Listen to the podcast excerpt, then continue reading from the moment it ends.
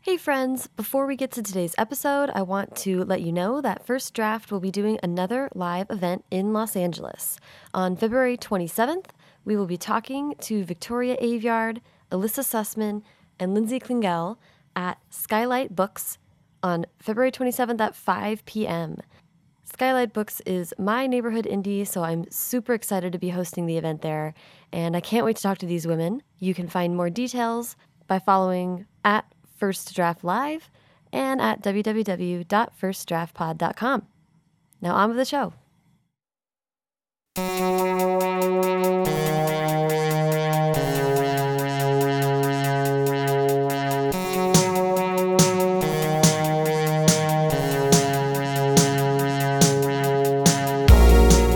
Welcome to First Draft with me, Sarah Enni.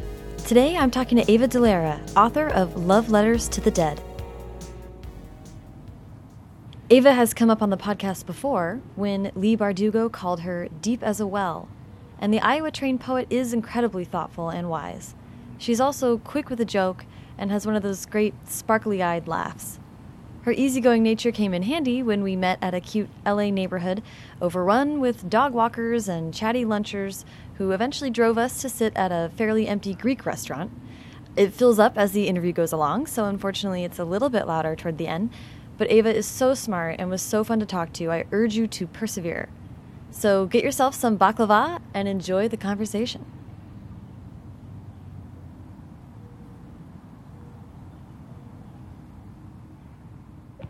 Um, so hi, how are you? I'm great. How are you? Good. It's so nice to meet Lovely you. Lovely day in Larchmont today. so it's really beautiful and like i'm wearing a sweater and i'm comfortable it feels nice um, so for, with these interviews i like to start at the very beginning which is where were you born and raised um, I was actually born in Los Angeles, Mm-hmm. um, but I grew up. We moved when I was really young, and I grew up in Mexico, In New Albuquerque. Mexico? Yeah. how did did you watch breaking bad yes.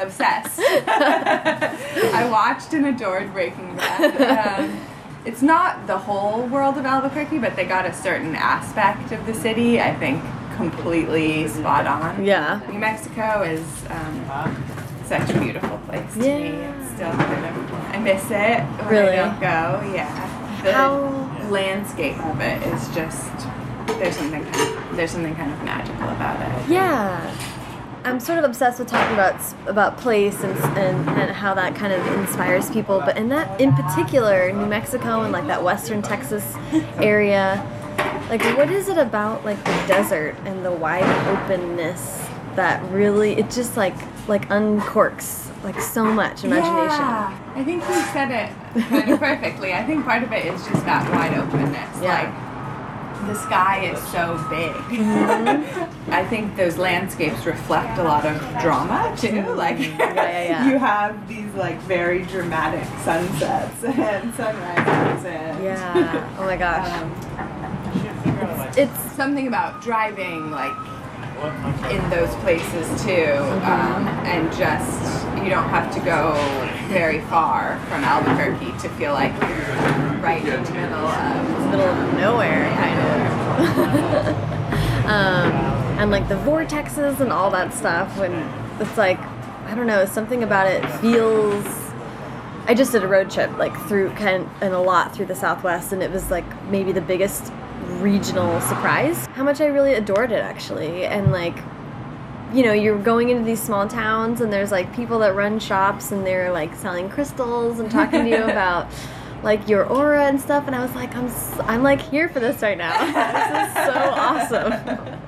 it's kind of delightful. So I, because um, on your your bios talks about you and your sister playing like witches and quests and stuff like that. So I was like, that fits right in. I feel like. yeah we spent just like summers for us were literally just like every day in our backyard Yeah. um, being in a new world that is Our awesome. imagination I love that. So you were outside, imagining worlds, exploring. But when did uh, you start writing? As a kid, I was a really big reader. That was my other. If I wasn't outside, Yeah. imagining worlds with my sister, I was in bed reading. Mm-hmm. Um, but not as much of a writer until later. I think I did.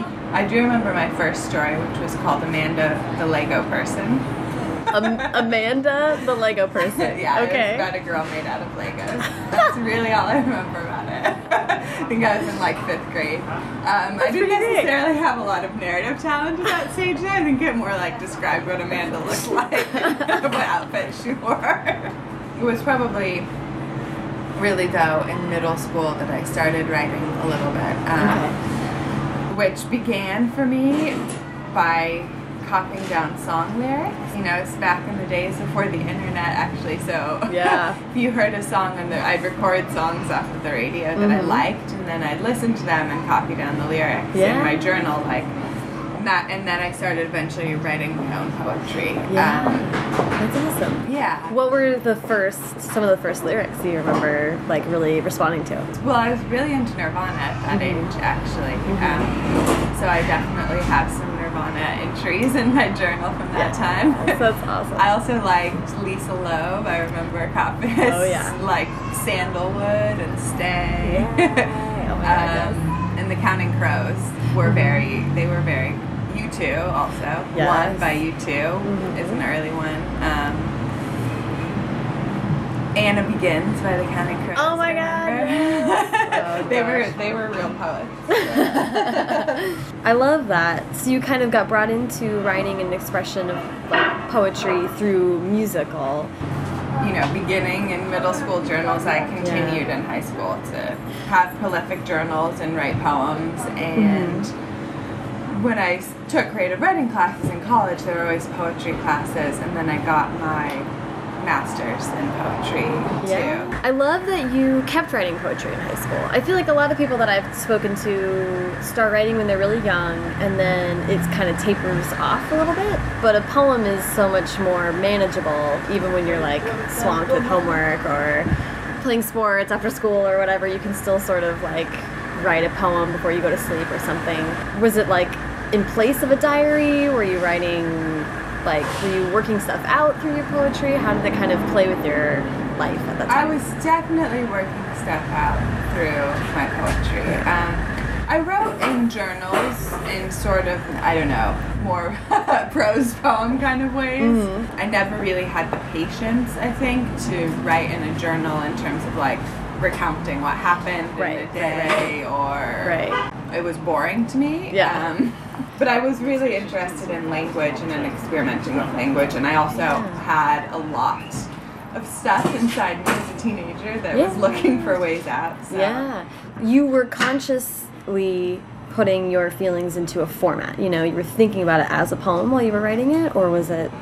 Mm, I think it was a little bit of both. Sometimes I would just write, you know, and then I might take a sentence or a Mm. phrase or an image from some, you know, musing that Yeah. I've written down and use that to be the germ of a poem that I'd Mhm. work on. I definitely worked on certain pieces of writing and poems and rewrote them and edited them. Really? I feel like that is like more foresight than, than I had in high school when I was also writing crappy. Well, my poems were crappy um, because I wasn't revising them or rewriting them. So you were actually you were consciously going back and working on them in your spare time.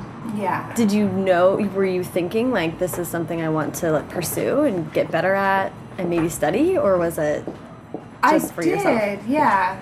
I don't know that I thought of it as a career exactly, Mm-hmm. um, or that I'd really gotten far enough to consider what I wanted to do as a career and what the possibilities were. Mm-hmm. Yeah. But I did have an interest in getting better at writing and in sharing writing. I, as a high school senior, I saved money from my like summer job and bought one of those big guides to submitting to literary magazines. Mhm, um, Also before the internet, so it was if you wanted to do your research, that was kind of the way to do it. Yep. Yep. I went through and studied it and picked out all the magazines I wanted to submit poems to and again paid the $30 fee when I had to to send it in Wow. and I'd really worked these were poems I'd worked on a Yeah. lot and I you know really hoped to get one of them published Yeah. and um, I remember my mom telling me, you know, I just want you to know if you get rejected by all of these, it doesn't mean that you're not a writer. Mm-hmm. Um, and that was not what I wanted to hear from her at the time. at the time, I just wanted to be accepted by one of them. Right. But in fact, I was not. I was rejected by all of them. And it was, you know, but I kept writing and Um, so that's actually really sweet. Looking back, that's like really prescient of your mom to know that that advice would be helpful. yeah, it was very. It was helpful for a long time to come, not just in terms of those particular poems, but in terms of an approach to writing. It's a long and hard lesson to learn, I feel like, but that you don't necessarily need the outside validation from. You don't need somebody else to tell you you're a writer to be a writer. Right. Um, not that it's not natural to crave right. those kinds of validations sometimes. Yeah. I was gonna say like I'm still working on that one. I yeah, I think that we all work on it for a long time. but for me, I think Love Letters was the first when I started working on that novel. It was kind of like the time when I I'd most separated myself from kind of an idea about the outside world and what it would do for my writing career or that sort of thing. It was kind of just like me alone with the book and feeling like this is a thing I need to write. when you were getting ready to go to your undergrad, you went to the University of Chicago, right? Yeah. Did you go right away? Did you know you were going for creative writing? What was the what was the process there? Um, it was actually my high school English teacher who recommended that I apply there. Um, his wife was an alum, and so they thought it would be a good match for me. Okay. Because it's a kind of a unique school, right? The joke motto is where fun comes to die. it's like a very serious academic kind of school. Yeah. Um, it was it was hard for me. The first year was a hard transition for sure. Yeah. It was freezing, and I ended up really really loving it um, in the end. Um, but definitely the first year was a little bit like, where am I and what am I doing? I was interested, and part of that was creative writing. I took poetry classes, but I didn't necessarily want to major only in creative writing. Um, I also wanted to take regular English classes, and I was really I was interested in film too. Oh, so yeah. I was actually in college very into photography. um, Really? Ooh. and I liked like kind of critical theory uh, and philosophy type stuff. So Yeah. Which is all sort of I mean, it's all like wheeled around like storytelling, right? Like Yeah. framing and phrasing and how to get into it. yeah, Um, I guess you're right. Well, I love talking to people who are artistic in multiple formats because I think everything feeds into everything else and it's a little bit of just playing with expression, which is so interesting. So, what were, when you were looking at film classes, was it study of film? Were you thinking about how did you, how were you interested in like exploring that? It was study of film, like sort of, you know, like an English class, but with film. And um, so I took a lot of classes like that, and then I had like, I was part of the film club at school. Yay! so we made, I made some, You some made that? experimental movies in college. Um, awesome. Were you acting also? Yeah, I was in a couple of them. I would be mortified if anybody ever saw those. That's really they're, fun. They're though. pretty edgy.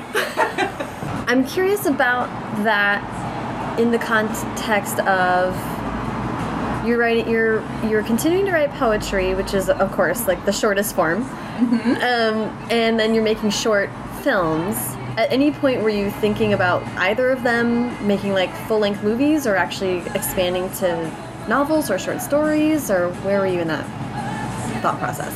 I didn't think about writing novels in Ever? ever. well, not never. Obviously, at some point I did, but I didn't then. Wow. I think that narrative storytelling was actually narrative was not my strength. right, right, right. um, which is interesting because everything that I do now is so revolves on a strong story. right. But when I was younger, I wasn't really good at that part of it. I loved language and Mm-hmm. images and what they could say together. Yeah. Um, but I hadn't figured out yet, I think, how to actually tell a story. That's so interesting. Even though I wanted to. Yeah, but that's actually. Um, I was just thinking about this the other day because I forget who I was talking to, but I was like, some people are natural storytellers. And I kind of don't feel like that was me. you know what I mean? Thank you. Totally. I don't think that was me either. It, I think the words were. practice. Yeah. um, it took Yeah. me getting to a different place in my life, I think, um, where I was kind of able to, I guess, tell my own story. Yeah. that I think I didn't have the ability to do that really at that. That's time. yeah. That's such an interesting way to put it. Because does that then infer that what you were trying to express was not your own story in college? No, I think it was. I think I just didn't. I was doing that in, in other ways through poetry or through film. Yeah. Um, but I think I didn't. I didn't know how to do that in a more narrative way. Yeah. I was So interested though in critical theory primarily at that time. That's what I thought I would graduate and go on to apply to grad schools, like to get a PhD. And I thought I would. Oh, wow. yeah. To teach. an academic. Ah. oh my gosh. Which Aspirations. is actually even harder than being an author, I think. Like It is. more hard to succeed at. I think it is. When it comes to critical theory, what kind of stuff were you like focusing on? Like, did you have a thesis, or what was your like?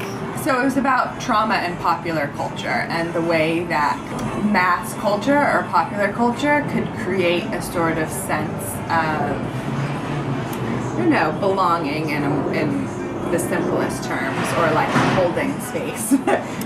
Yeah, after a traumatic event yeah. or surrounding a traumatic event. Yeah, because, well, yeah, exactly. And so I was reading a lot of psychoanalysis um, stuff and also a lot of stuff about the effects of trauma. And one of the things that it does is it makes it hard to like own uh, your own narrative in a way.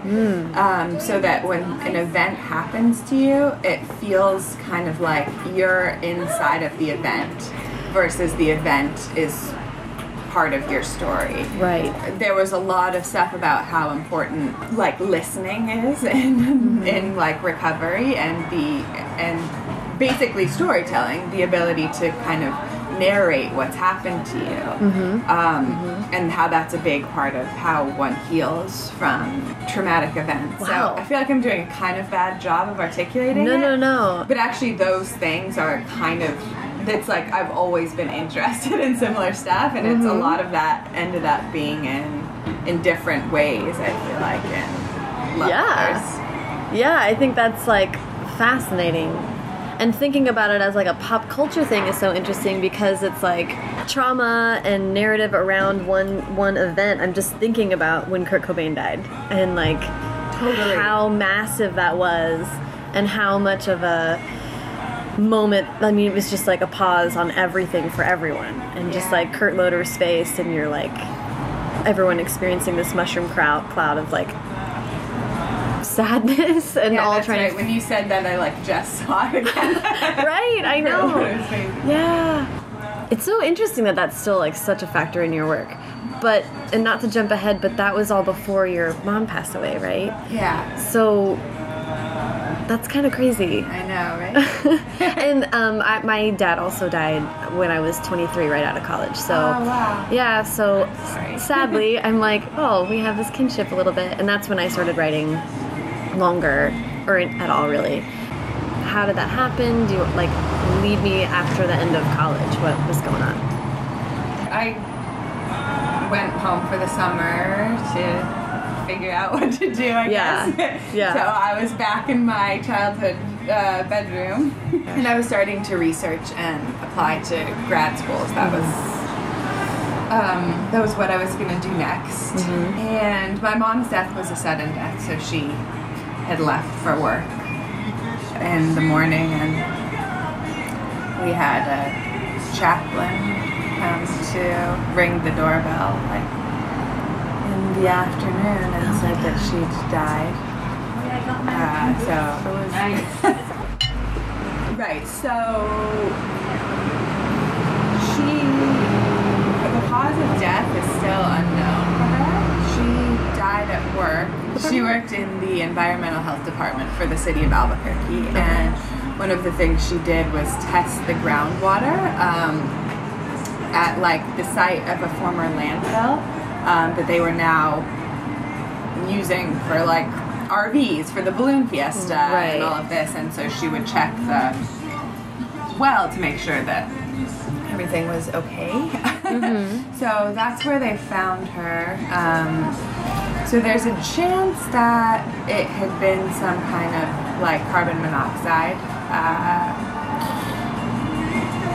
but it, the autopsies were never fully conclusive. Um, Whoa. and the city of Albuquerque at least sort of resisted the idea of that for reasons you can imagine. Yeah, sure. so it was a complex uh, thing, and the Yeah. not knowing was certainly really hard for Yeah. a while. Well, first of all, I'm so sorry. That's so horrible.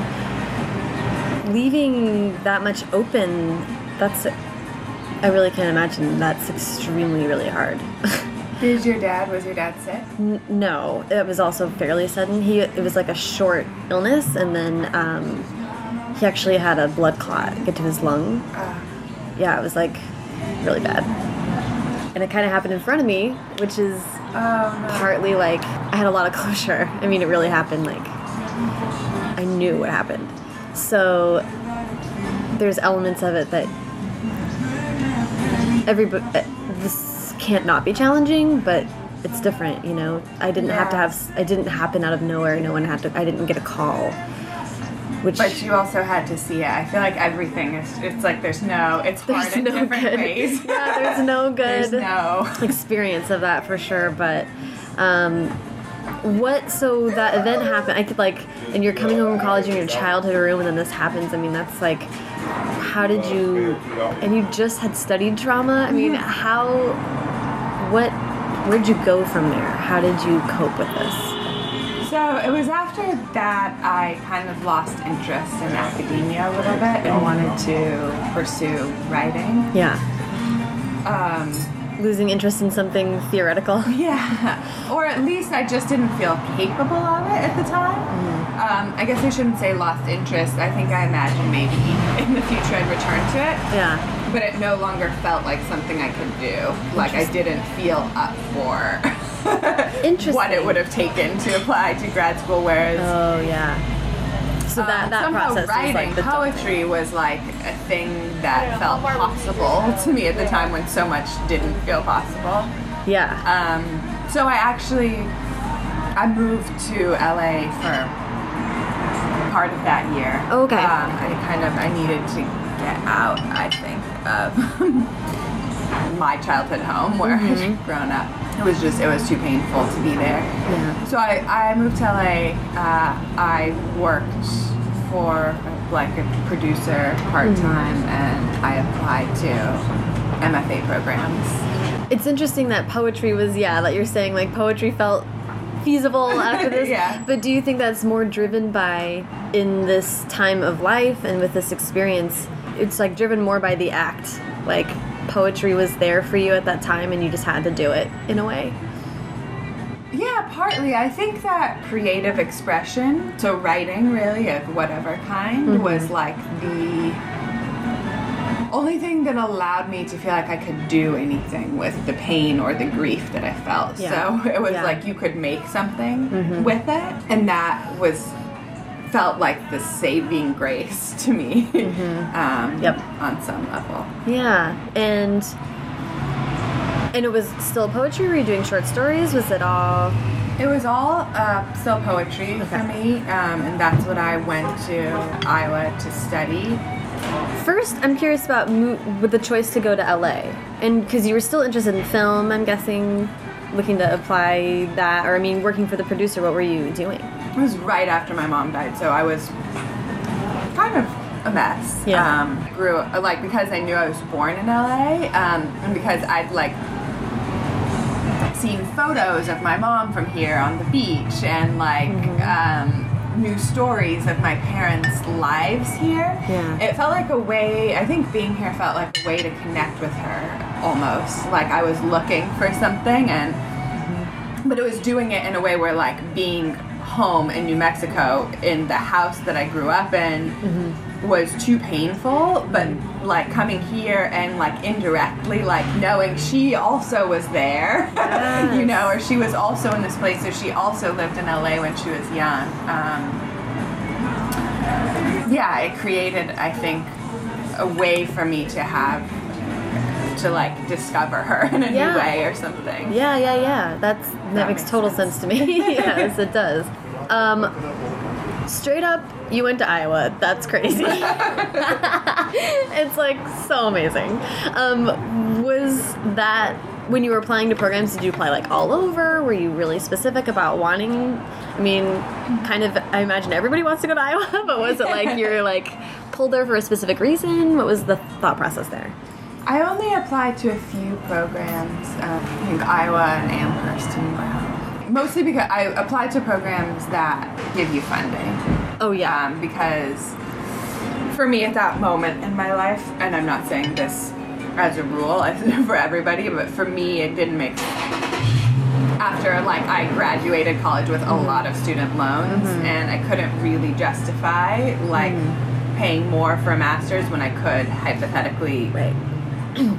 Write poetry writing my without- yeah Yeah. Yeah. um, but when there's a program that gives you some funding you also like have the gift of time to write in Yeah. a way that's magnificent after having done it and seeing the like real value of an MFA program and how much you can learn Mm-hmm. I would maybe think differently about it like maybe that it probably is worth going further into debt for really? but for me at the time, I, I wanted, I was only kind of interested in doing it. If, Yeah. If it was also like, came with a teaching job Yeah. versus more loans. So, okay.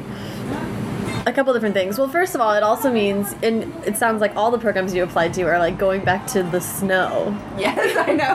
After I promised myself, I literally left Chicago and was like, never, I'm never doing it again. And there I just went straight back into Right it. into it. And winters, and it was a totally different thing from winters in Chicago. Really? How so? Um, it was it was so beautiful um, because it's very rural. It's like the the beauty of it was stunning. Mm-hmm. The first ice storm that I ever saw was in Iowa. It was gorgeous, like scary too. Yeah, I could, yeah. Um, but it was Well, it's more- also harder because in Chicago, like, it's a city, so even if it's negative 10 degrees outside, you still go and Yeah. get on the bus and go downtown, and that's just like what you do.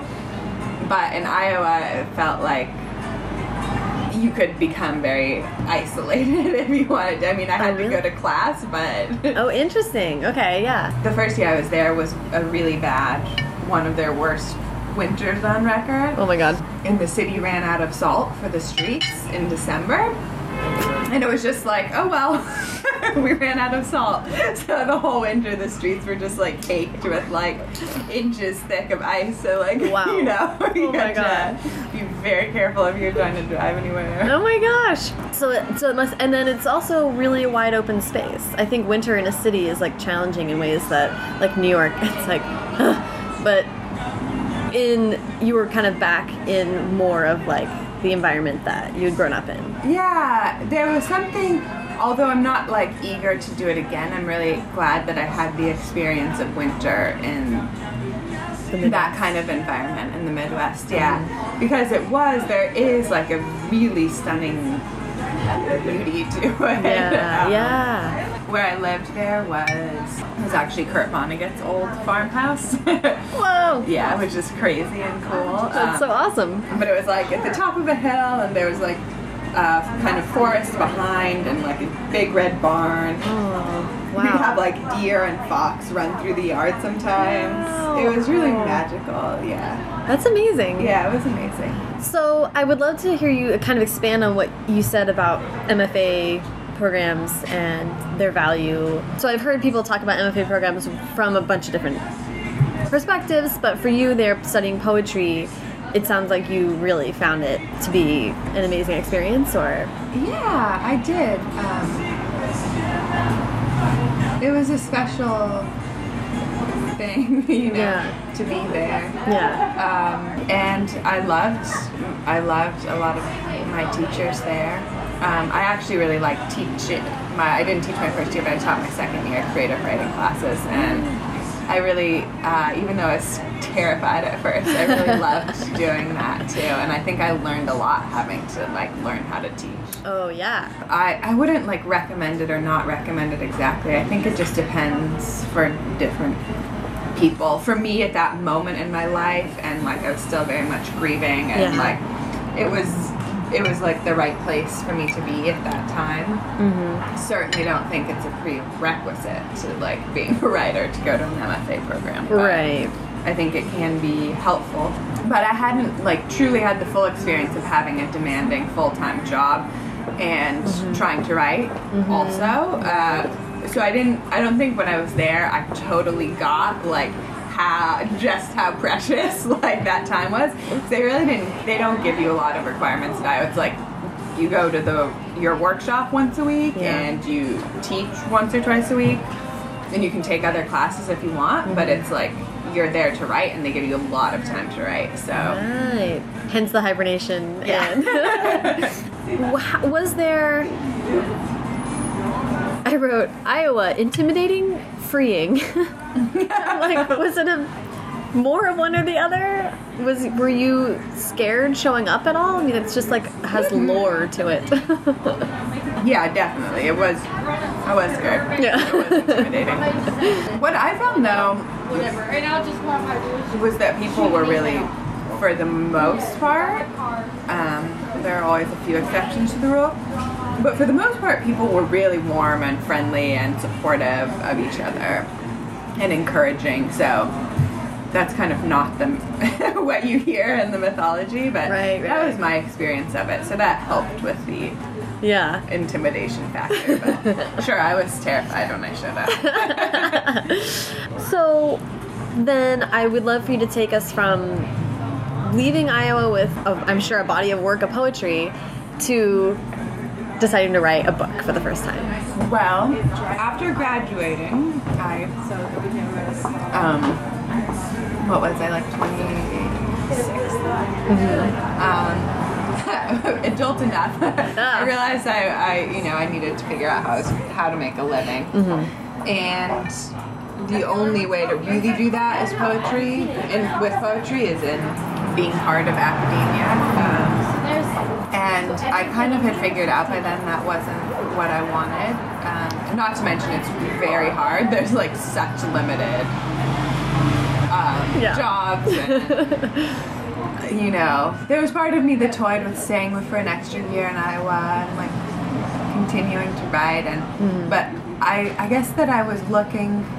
I felt like I wanted to do something that could connect with more people. I love poetry, but it's at this moment at least it's not really for a mass audience. Right. Um, it's for really an academic audience, and I didn't want to do something that was just aimed at kind of an academic audience. Um, So I came to LA wanting to do screenwriting, which I really had I'd always, like I said, I'd always been interested in film, but I had really like no experience.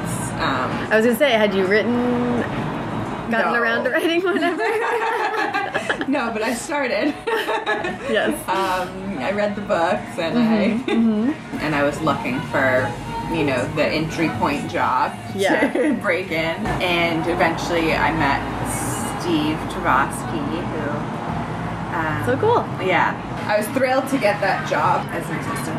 He was at the point with Perks where they were looking to cast and they were trying to Oh, wow. sell it to a studio. So Okay. So you came right at the um, beginning I of came all right of at the beginning of all of it. It was Okay. like very shortly after I started that they cast Emma Watson. Wow. Um, That's amazing. yeah. and then found Logan and then so and eventually it got greenlit. Um, within the I think it, I was with him for like a year before we left to go to Pittsburgh. Um, So you were there filming. I mean, you were helping him like this whole time, seeing the whole process, which is kind of amazing I for someone. him like make a lookbook for a director. It's like a book of images that kind of expresses how they want to make the movie. And I'd watch, I'd like sit in his office with him and we'd watch casting tape. He watched agents send a lot of stuff. You know, he watched diligently like every single thing that Wow. people sent, and I would like make a whole database and keep notes, and we'd mm-hmm. talk about the people. And Yeah. so I got to really like see the process from the beginning. it's that's incredible to me on so many levels because as someone who's interested in film, you're seeing it from like soup to nuts. You know, you saw the whole process, but then you also are seeing it through the lens of the, of a novelist and a Yeah. creator who's do, so it's sort of this like totally amazing scenario to fall into. At what point in the process do you decide to look at writing longer form and exploring novel writing? And was were you inspired by what you were seeing? I mean, how did that all go? So as I was working for Steve, I was actively trying to do screenwriting. Um, okay. So I, I had my first screenplay that I'd written and rewritten and rewritten, um, and eventually kind of got up the guts to show it to him. Uh huh. And he told, he said, "Yeah, this is good, but I think you should try writing a novel." Um, What do you think he was seeing in the screenplay? I think there is a lot. I think I, I mean, I was an inexperienced screenwriter at that time, but I think that there was probably a lot of like prose trapped in this, like me wanting to write paragraphs where like, obviously that's not um, a lot of room for that. It's a no go in the screenwriting world. But I think he also saw my strengths as a writer being partly in description and in imagery and stuff, and Yeah. so I think he maybe imagined it would be better suited to writing a novel. I think that was on the one hand, and I think on the other hand, he was giving me practical advice, and he was like, if you want to get a movie made, the best way to do it is to write the book Yeah. which seemed uh, to me at the time like crazy advice because it was like, what? But that's going to take like five years. Right. Cut to five years later, I'm like delighted that I went that route. Yeah. Um, I mean, well, I just I'm curious. I guess I'm curious because going from poetry to just deciding to write a full story, where had ideas come to you before that were meriting that length? I mean, how did you sort of find an idea and and hold on to it for that long? Yeah, that's a good question. With the script, I don't actually know. I mean, I, I guess I don't remember. With my book, I think it was so personal that it became natural uh, to write in a longer form. I didn't run out of Yeah. out of things to say. um, when I so when I started that book, I think um, I didn't actually have a great sense of where it was going narratively, um, but I connected right away with Laurel's voice.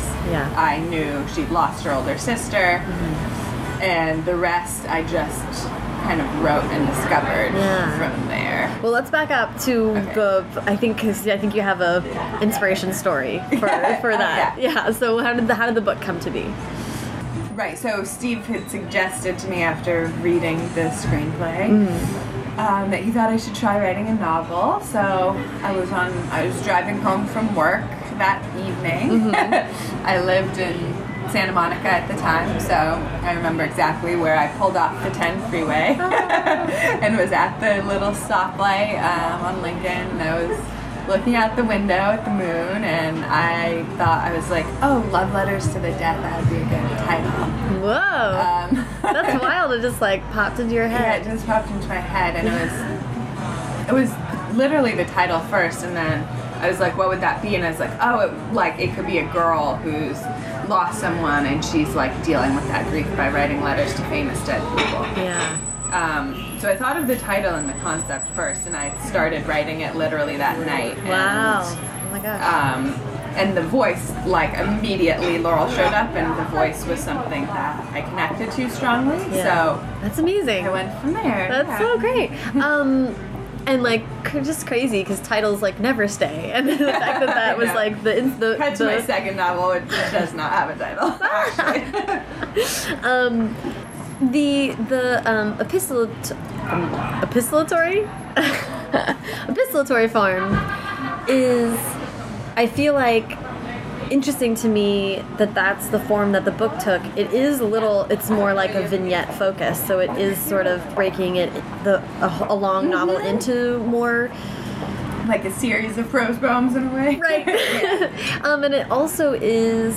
It does have a lot of rules and restrictions, though. I mean, not rules, but but a little bit of a restrictive process. So, what was it like to write a, a full length in that form? Mm, It was probably the most one of the more challenging parts of the book. Um, to do that, to do that in a way that felt authentic, but that didn't bog the story down.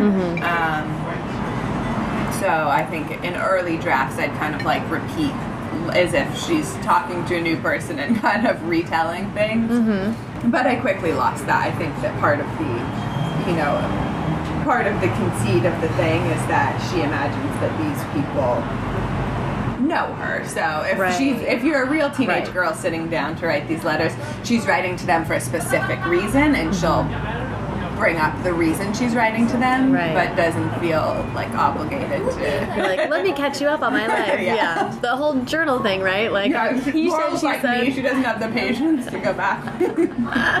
That is so is so interesting to me because yeah, like you're saying, they're all chosen for a specific reason. But how did you? I mean, first of all, you're spending a lot of time thinking about dead celebrities, and then what they're known for, and then fitting it into how you want the story to move. I mean, it's like so many different moving pieces. Were there fits and starts? Did some things come naturally? Like, how did you progress with that? Um, I mean, a lot of the one, like the Kurt Cobain thing, was that was the first. It's the first letter in the book, and it's the first one that I wrote. Um, Really? So you went home that night and wrote that Cobain, one. Yeah. Wow. I mean, obviously, it's taken a different form now, but more or less, like the first paragraph is was always kind of there. Wow. Um, I mean, because did you outline and then figure out how to fit who and what? Yeah, I was gonna say it sounds like you kind of went went with it naturally, and that would that sounds so challenging to me. So it did take. I mean, I did at some point. I think in the first draft, I didn't outline. Um, and a lot of the people she writes to were people I already kind of had my own connections with or loved in certain ways. yeah. And then I did more research um, into into some of their lives, but it was like a mutually informative process because if I was like, okay, let's try a letter to River Phoenix, for example, then that kind of like gives way to this. Uh, then I see Laurel and May watching Stand By Me together for the first time. And not only that, but the way that it, the kind of moment just before a loss of innocence and what that means. Uh, so there were a lot of things like uh, like that um, where sometimes who she was writing to would unfold layers of narrative for me. Whereas other times, like Laurel's Aunt Amy, who likes Mr. Ed, then would lead to, oh, so when she's talking about her aunt, maybe she would write to this anonymous voice of Mr. Ed. Right, right, right. Um, so yeah, it, they mutually informed each other. There were other, there were more people in earlier drafts Mm-hmm. that I, as I was editing, took out the ones that didn't feel as immediate, I Yeah. guess, in order to try to uh, develop. I mean, I definitely worked on trying to develop arcs and her relationships to the people that she was writing to that kind of mirror her own personal arc in her relationship with her sister. How long did it take to get to a draft that you were confident enough to start sending to people?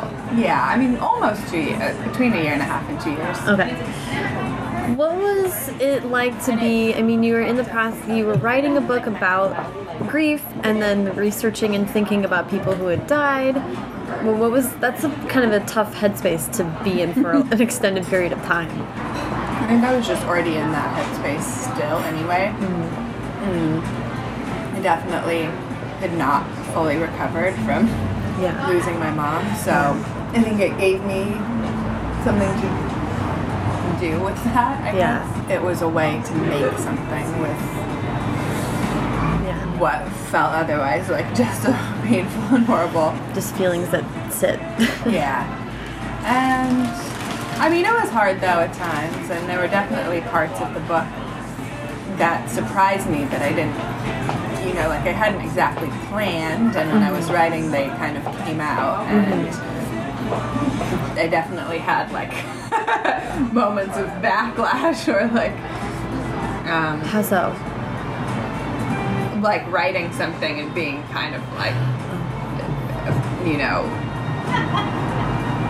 I don't know if afraid is the right word, but emotional over it or like feeling it for like the following days. or whatever. Yeah, yeah, yeah. Yeah, falling into those ravines like Yeah. didn't see coming. Yeah. Yeah, yeah, yeah. Um do you think it was ultimately like healing?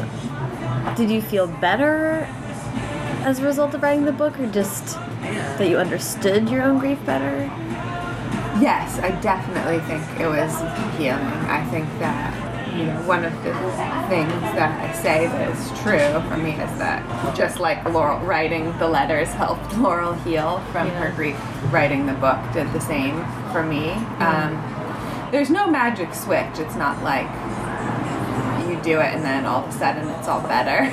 Right. um, but it was definitely a healing process and I think a lot of the things that Laurel learns in the book were also things that I was learning through the process of writing it. Yeah. I definitely also, you know, my editor was really helpful and pushed me to explore certain emotional territory that I just like hadn't gone to. Really? and like had it, she's like, but isn't Laurel angry here? And I was like, oh, yeah, I guess she would be. Hmm. That was like a particularly hard thing for me to confront or to feel. Interesting. Um, but I kind of, you know, eventually had to, to do that. Yeah. Did you feel like, in a way, and this is like maybe more for me than for anything else, but did you feel like Iowa was like a pause button? Kind of, yeah. I mean, it sounds, it's like, I'm, and this is like my visual association, but I'm imagining like a snowy four years, like a, like a hibernating four years, and then you sort of come back to Los Angeles and start writing this book and like letting it out a little bit. It feels like maybe Iowa was like holding a breath for four years. It was well two years, but Two years. Okay, yeah. okay. So it was shorter, which was probably it was the right two years was definitely the right amount of time Mm-hmm. for for a pause button. I think. Yeah. yeah, the immediate aftermath of that, then just sort of being able to burrow into a cave with words. And then like opening a door, it seems like that was yeah, that's very pretty. You must be a writer. Thanks.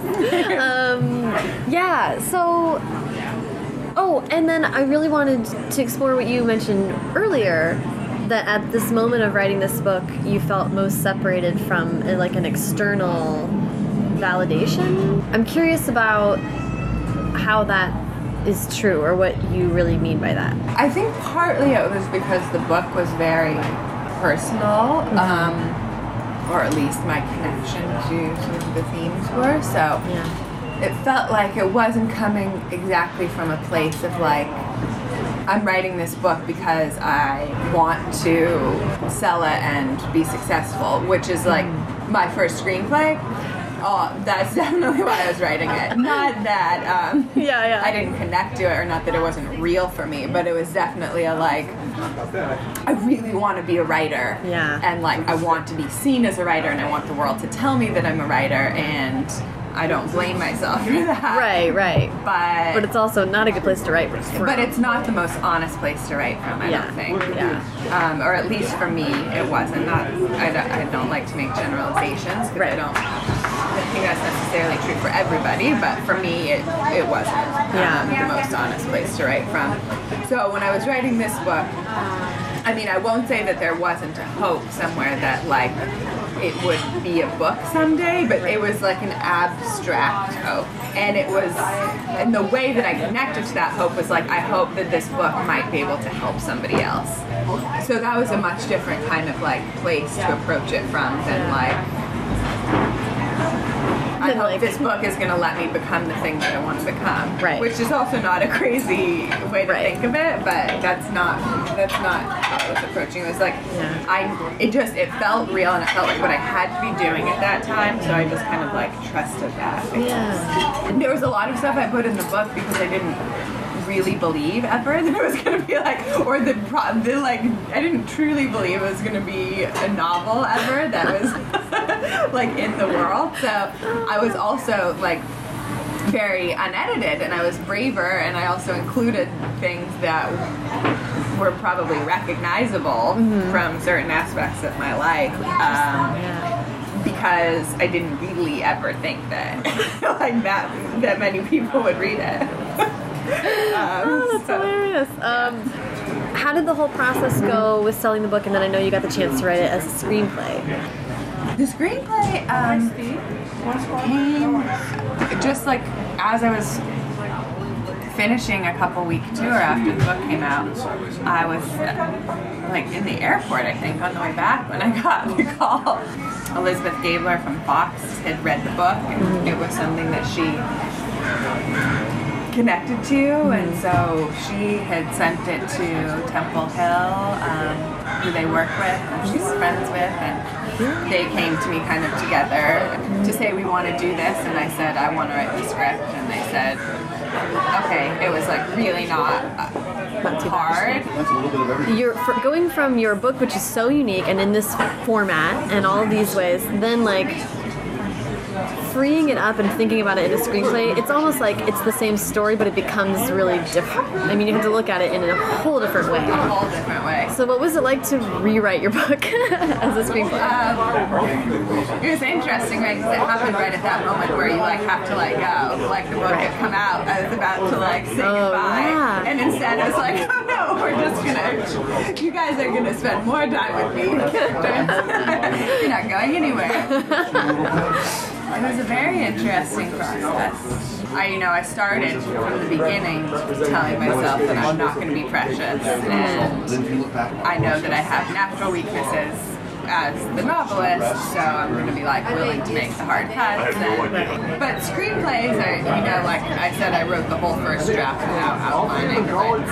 Yeah. in some ways, screenwriting is a lot closer to math or to poetry. Like there's a, there's just like a stricter form. Yeah. My very first draft, that was like an unofficial first draft, was definitely like we also put in a there was way too much voiceover and i was still in some ways like trying to like put the book onto the script. Um, i showed that one to temple to producers at temple hill and they kind of were like very kind and very much like i think they did have some faith in my writing abilities based on it but they were like this isn't a fox 2000 movie and Right, right, right. you have to reimagine. Um, and it was kind of a scary moment because it was like you know they weren't they weren't harsh but I did kind of feel like okay I have to like figure this out and then then like in the real first in the next draft or like the real first draft I think it made the leap into feeling like a movie um, Yeah. that was working Yeah. Um, so, uh, well, then I've been kind of wrapping these up with asking for advice. Steve gives some advice that I think is good that I can repeat for in a pra- that's like in the practical rather than esoteric sense is to write. He, he says write down all you before you decide what to write. Write down all your ideas, make a list of them, and show them to all of your friends. And he's like everybody will gravitate towards like the same thing, and sometimes it'll be um, it won't be the one that you expected. And like that, when you do that, you can sometimes see, okay, this is the story, but then that father character from over here can be part of this, and you see the way that you know there are themes that run through. Um, kind of all of the ideas and ways to combine them into the strongest thing. Interesting. Um, yeah, it's- so that's some bit of practical advice. And I think the other thing, I read an interview with um, Jennifer Egan once that I really like her a lot. Um, but she was talking about how, you know, something along the lines of like how sometimes it takes 50 bad pages to get to one good sentence and that you can't be afraid of writing badly. um, and that's huge for me because I think that's how I think you it's hard to do your work and judge your work at the same time. And so you have to train yourself to like shut off that inner critic. um, and I think that by recognizing that bad writing sometimes, I mean bad in quotes, um, yeah. writing that you wouldn't necessarily publish right off the bat is part of the process. Yeah. And that like no, almost no writer, no matter how great they are, writes amazing first drafts. Like first drafts are first drafts and the real work comes in. Having something that you love or care about enough that you want to do the like endless work of, of revising. Because anything can become great I think with The with the work but sometimes you have to rewrite it like seven times before you can even show it to anybody um, I don't know my first draft of love letters definitely did not read like anything you would imagine would become a novel Yeah. there were moments in, or pieces or seeds of things that had value, but um, Had to grow. it had to grow. It didn't. It became a book in the in the stages of progression. Yes. Yeah, thank you so much. This is a blast.